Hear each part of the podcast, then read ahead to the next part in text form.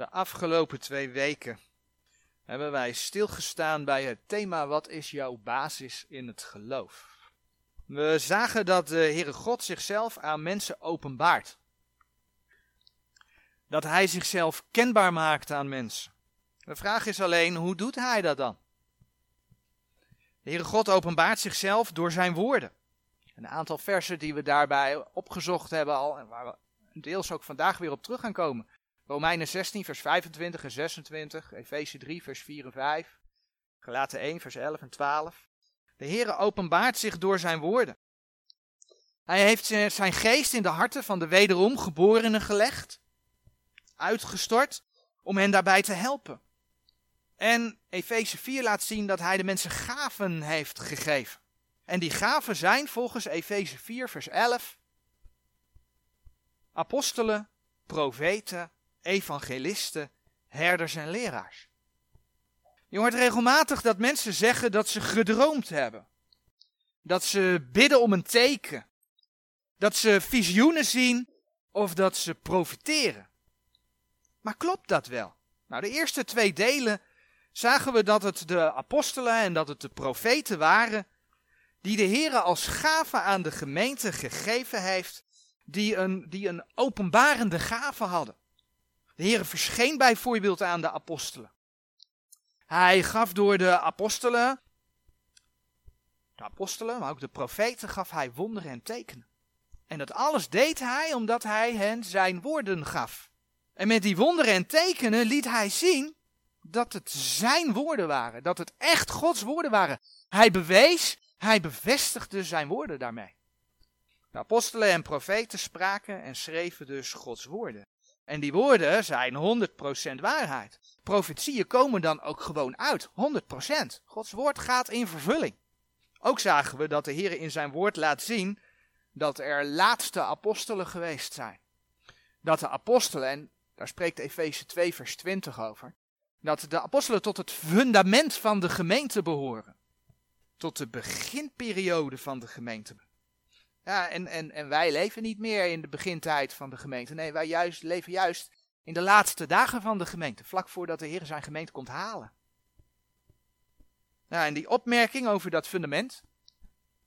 Dat wordt niet alleen over de apostelen gemaakt, maar ook over de profeten. De Heer zegt ook dat de profeten tot dat fundament, tot die beginperiode van de gemeente horen. Met andere woorden, er zijn vandaag de dag gewoon geen bijbelse profeten. Die zijn er niet. Ja, in Gods woord vinden we bijbelse profeten. Maar niet in levende lijven onder ons.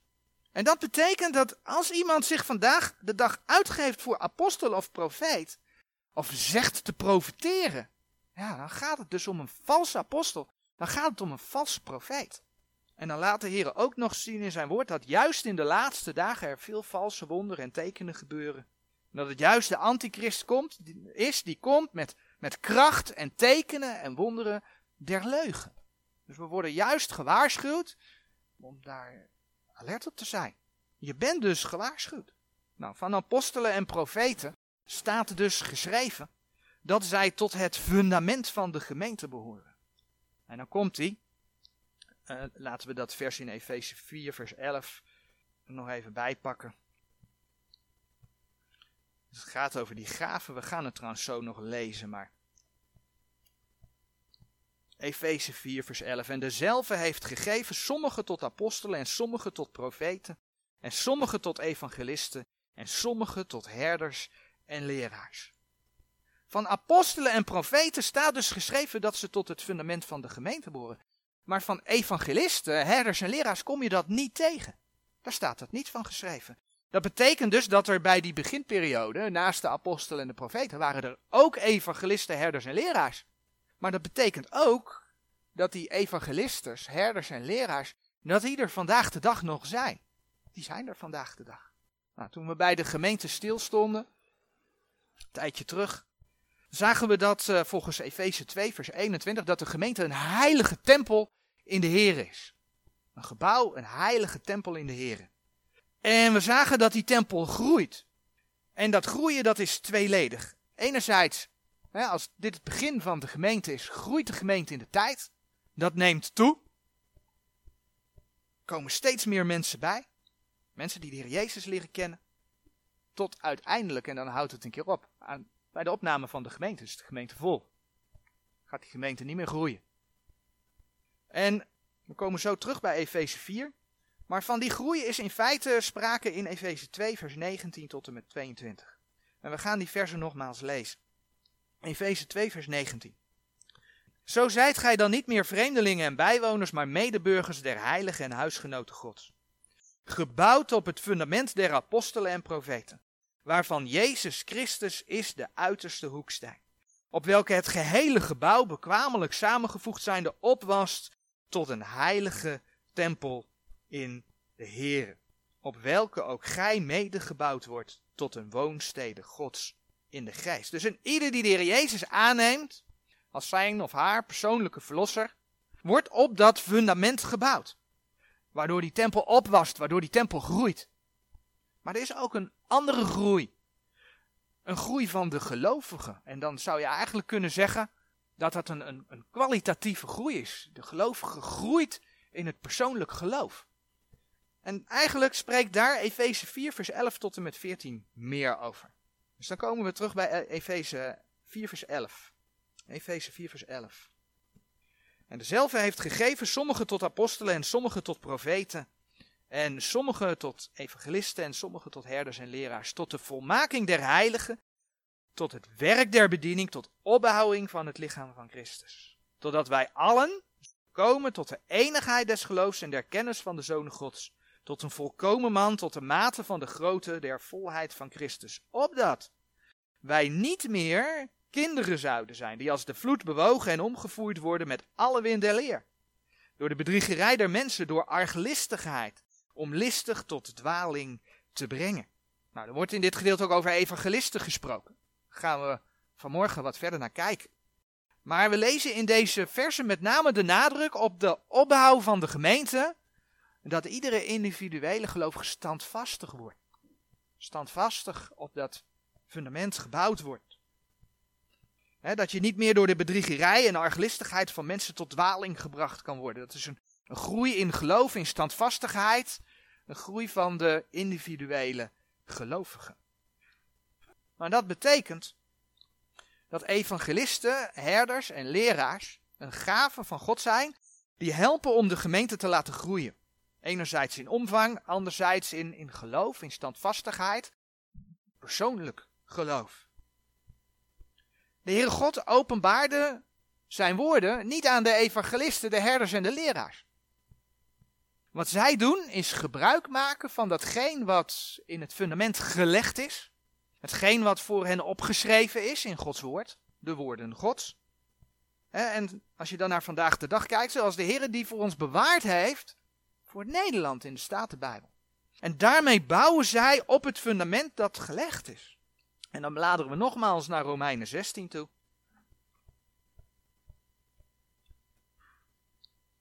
En dan lezen we nogmaals de versen 25 en 26. En niet nogmaals omdat we het vanmorgen al gelezen hebben, maar in deel 1 en 2 heb ik ze ook gelezen. Hebben we ze ook gelezen. Romeinen 16 vers 25. Hem nu die machtig is u te bevestigen naar mijn evangelie. En de prediking van Jezus Christus naar de openbaring der verborgenheid, die van de tijden der eeuwen verzwegen is. Maar nu geopenbaard is. Dat schreef de apostel Paulus, hè? Maar nu geopenbaard is. En door de profetische schriften, die geopenbaarde woorden zijn in de schriften terechtgekomen. En door de profetische schriften naar het bevel des eeuwige gods tot gehoorzaamheid des geloofs onder al de heidenen bekend is gemaakt. Gods woorden zijn geopenbaard door de Heer Jezus. Door de apostelen en de profeten. En die woorden zijn er nu. De profetische schriften. En het zijn die schriften die de mensen bekendgemaakt moeten worden. En dan betekent dat dat we dus niet gericht zijn op dromen, dat we niet gericht zijn op wonderen of tekenen, maar dat we die woorden van God moeten lezen, wetende dat we als kind van God zijn geest dragen. Dat we die woorden moeten lezen en dat we die woorden moeten verspreiden. En dat is dan waar de Heilige Geest in deze gemeentetijd bij helpt. In leidt. En daar heeft hij dus ook de gave, heeft de Heer dus ook de gave van evangelisten, herders en leraars voor gegeven. Dat woord van God moet gebracht, dat woord van God moet verspreid worden. Nou, dan kom je in de brieven van, van, aan de gemeente, de brieven van Paulus aan de gemeente, kom je tegen Colossense. Je komt 2 Timotheus tegen, dat zijn brieven die gericht zijn eigenlijk aan de gelovigen in eh, op de gelovigen in de laatste dagen. En als we dan uh, zoeken we 2 Timotheus op, 2 Timotheus 4. Als we dan zien wat de Heer door Paulus zegt, dan is dat niet wees gericht op dromen. En de Heer zegt ook niet, vraag de Heer dat hij zich openbaart door een teken. En ook niet streef naar visioenen. Kom je echt niet in de brieven tegen. Niets van dat alles. Kijk wat de Heer in, in 2 Timotheus 4 vers 2 tot en met 5 zegt. Predik het woord. Houd aan tijdiglijk, ontijdiglijk, wederleg, bestraf, vermaan in alle langmoedigheid en leer. Want er zal een tijd zijn wanneer zij de gezonde leer niet zullen verdragen, maar ketelachtig zijnde van gehoor, zullen zij zichzelf leraars opgaderen naar hun eigen begeerlijkheden. Het gaat de mensen dus om de eigen begeerlijkheden. Wat ik lekker vind, wat ik goed vind voelen. En zullen hun gehoor van de waarheid afwenden en zullen zich keren tot fabelen. Maar gij wees wakker in alles, leid verdrukkingen, doe het werk van een evangelist. Maak dat men van uw dienst ten volle verzekerd zij. Het woord van God, hè, we lazen, predik het woord. Het woord van God moet gepredikt worden. Het woord van God moet geleerd worden. Dat hoort vandaag de basis te zijn. Jezus Christus is het fundament, maar hoe kennen we Jezus Christus? Door de schriften. Als we beseffen dat Gods openbarende gave een doel had en er vandaag de dag niet is, in de vorm van profeten en apostelen, dan beseffen we hoe we dus moeten oppassen met dromen, met wonderen, met tekenen. En ja, we zagen hè, vorige week dat de Heer God dromen gaf aan de profeten. Omdat ze die openbarende gaven hadden. Heel mooi staat het ook in nummer 12 vers 6 geschreven. Maar die profeten zijn er niet meer. Dus als dromen, wonderen en tekenen al voorkomen en mensen zeggen daar dus ook nog een boodschap van God uit te halen, in te zien, dan zijn ze vals. En ja, we dromen allemaal, hè. Ieder mens droomt. Dat is normaal gesproken, is heel normaal is dat. En normaal gesproken heeft dat onder andere te maken met de werking, de verwerking in, van, van, van ja, dingen die je meemaakt in het leven. Daar spreekt de Bijbel ook over. Laten we prediker opzoeken. Prediker 5 vers 2. Prediker 5 vers 2.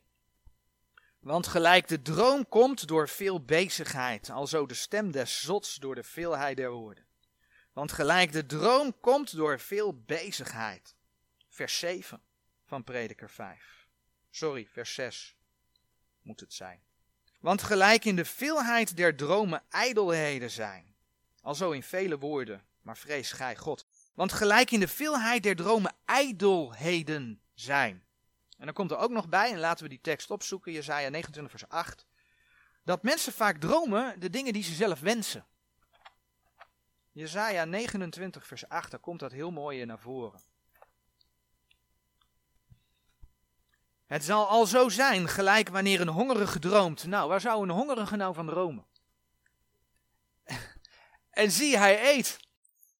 Maar als hij ontwaakt, zo is zijn ziel ledig. Of gelijk als wanneer een dorstige droomt. En zie, hij drinkt. Maar als hij ontwaakt, zie, zo is hij nog, uh, nog mat. En zijn ziel is begeerig. Mensen dromen wat ze wensen.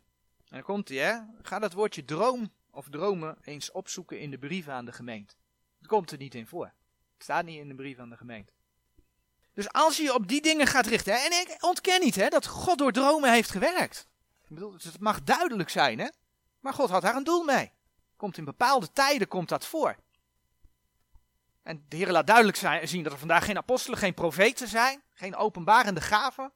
In de laatste dagen van de gemeente, want we hebben zijn woord.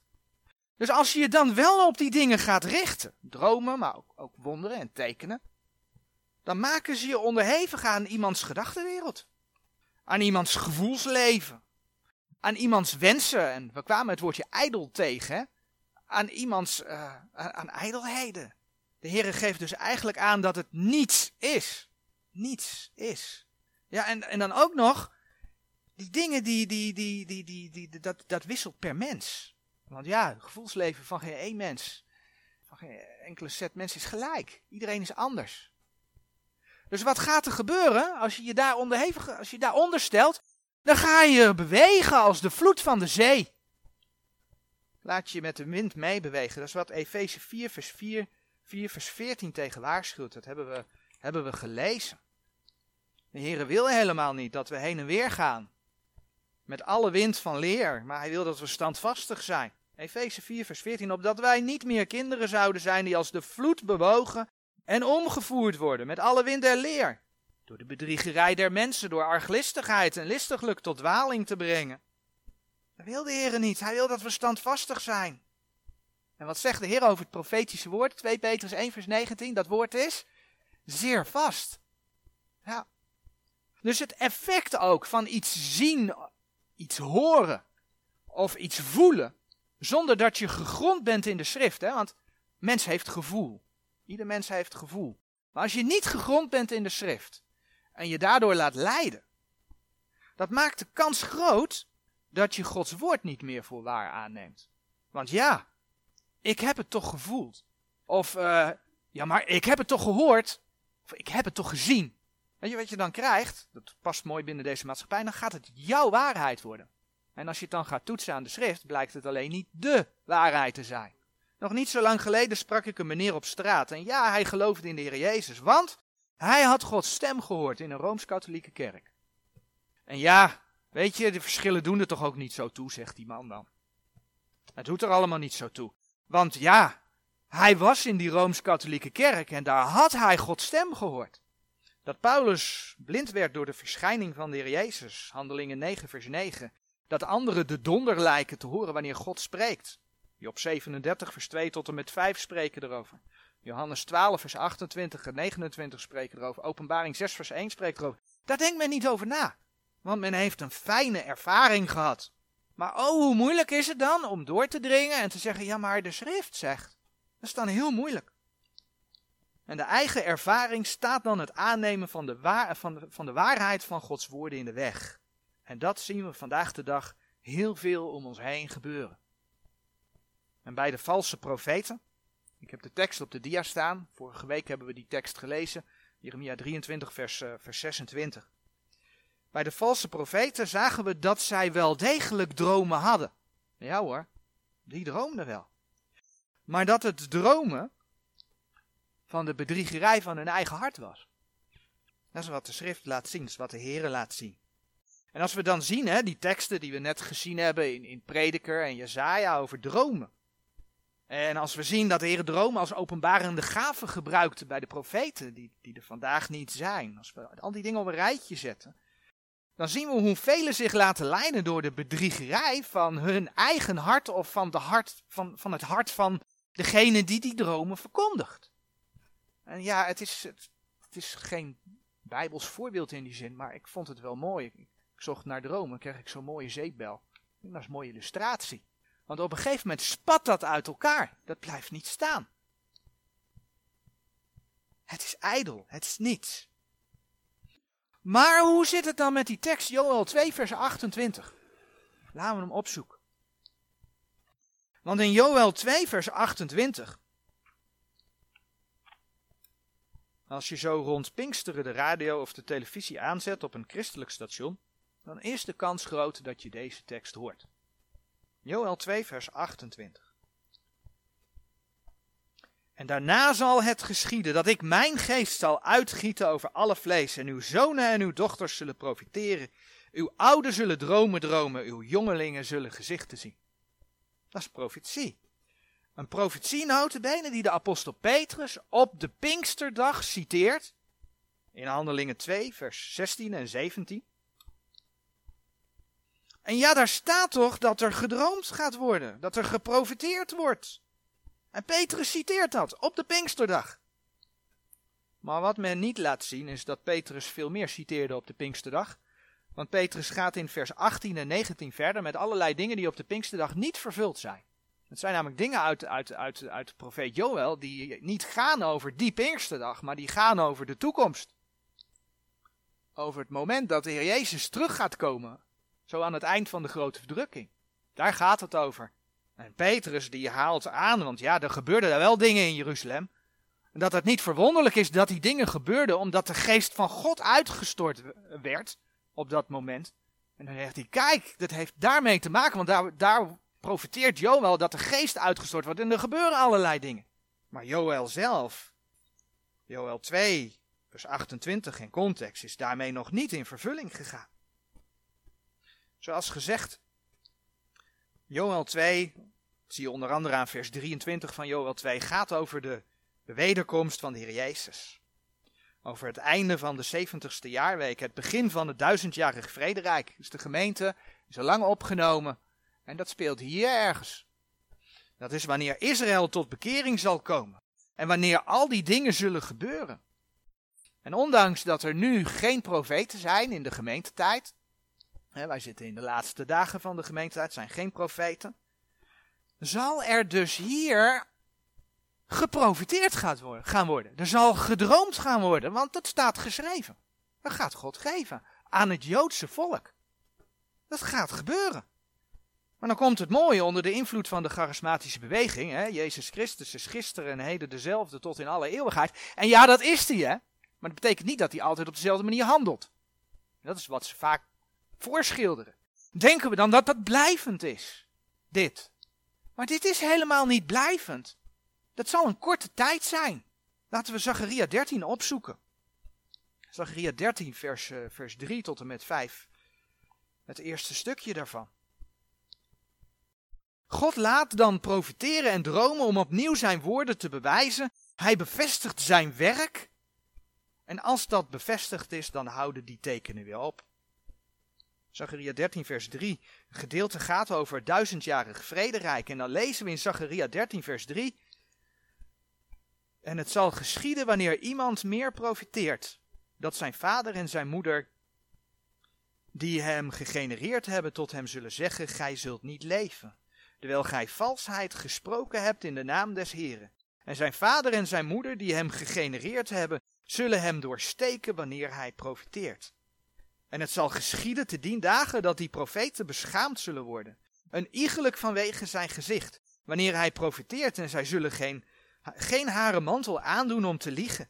Maar hij zal zeggen, ik ben geen profeet. Nou, als je daar Jeremia 31, vers 31 tot 34 bij opzoekt, dan lees je ook dat er niet meer geleerd gaat worden in het duizendjarig vrederijk. Want ze zullen van jong tot oud de Heere kennen. Met andere woorden, de Heere geeft aan, er zal hier geprofiteerd en gedroomd worden. En dan kom je het duizendjarig vrederijk in en dan zijn er opeens geen profeten meer. Ik heb tussen haakjes gezet geen dromen, want het staat niet letterlijk geschreven. Maar aangezien het een van de dingen is die de Heer aan de profeten heeft gegeven, durf ik wel te zeggen dat de mensen ook niet zullen dromen. Althans, niet de dromen die ze eronder verstaan. En er zullen ook geen leraars meer zijn. Dat is wat de schrift laat zien. Dus het is maar tijdelijk.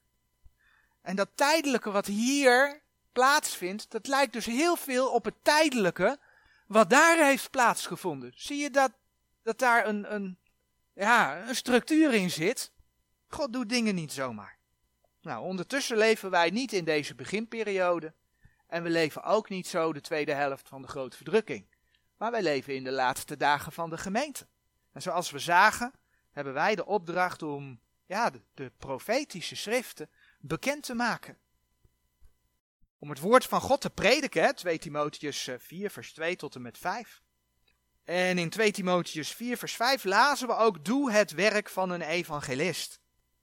Nou, en dan is het heel goed om op te merken, bij dat doe het werk van een evangelist, dat dit in eerste instantie persoonlijk gericht was aan Timotheus.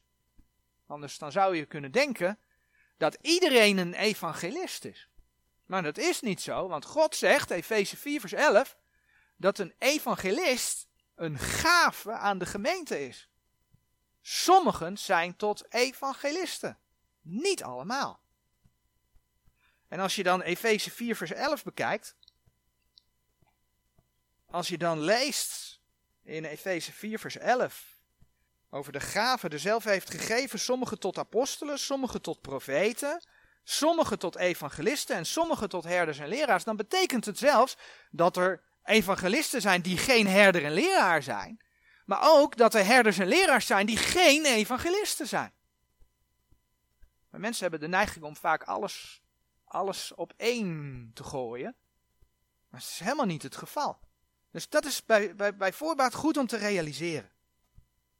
Wat niet wegneemt, hè, duidelijk, laat het duidelijk zijn dat we allemaal als gelovigen gezanten van Christus zijn. 2 Korinthe 5 vers 18 en 20 spreken daarover dat we allemaal gezanten van Christus zijn. Maar dat betekent niet dat elke gezant van Christus een evangelist is. Nou, laten we kijken in Gods woord wat een evangelist doet.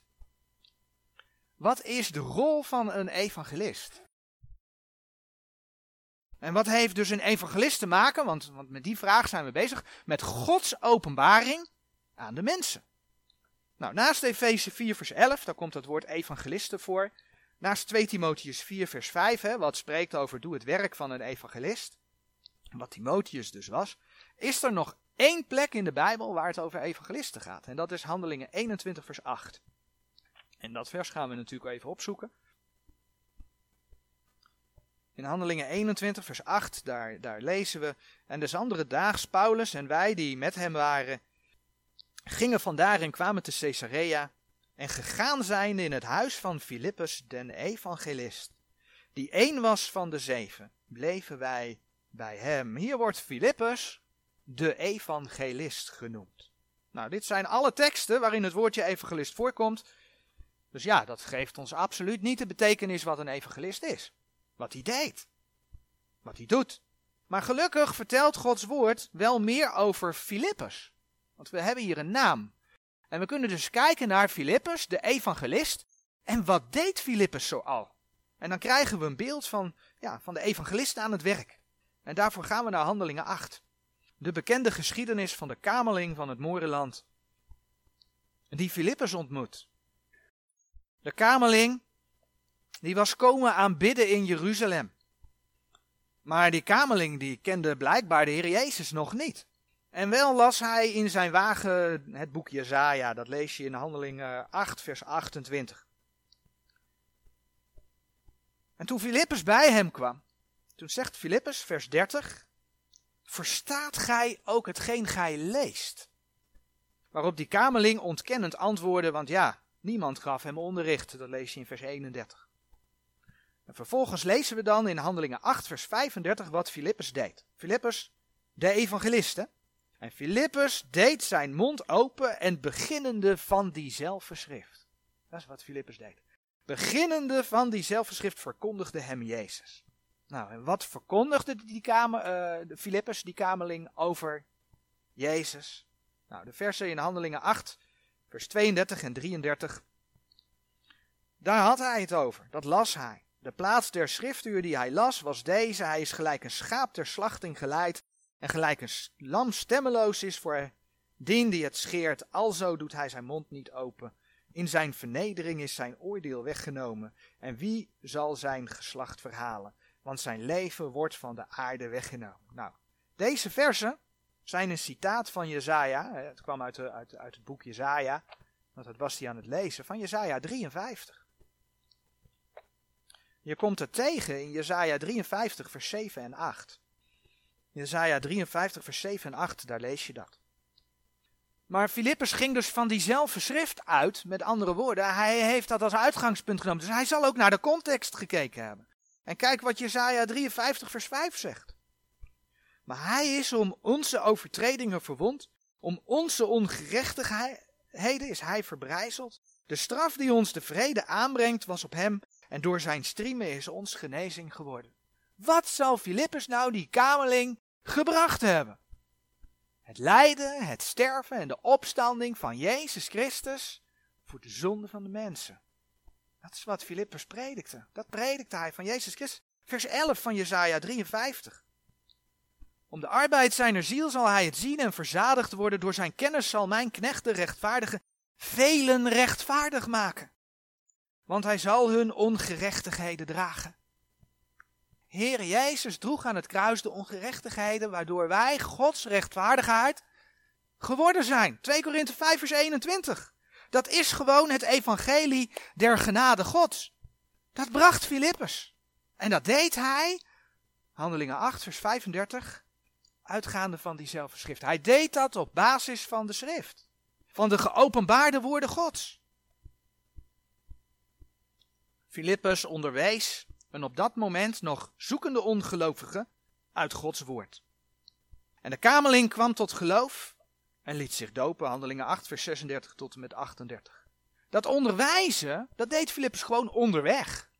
Niet zo dat hij dus als voorganger voor een zaal met mensen stond en daar de boodschap bracht. Nee, hij was onderweg. En zo was Filippus op reis om mensen met Gods boodschap te confronteren. We hebben het over het werk van een evangelist. Om mensen met Gods boodschap te confronteren en Gods woorden uit te leggen. Kijk maar in Handelingen 8, vers 40.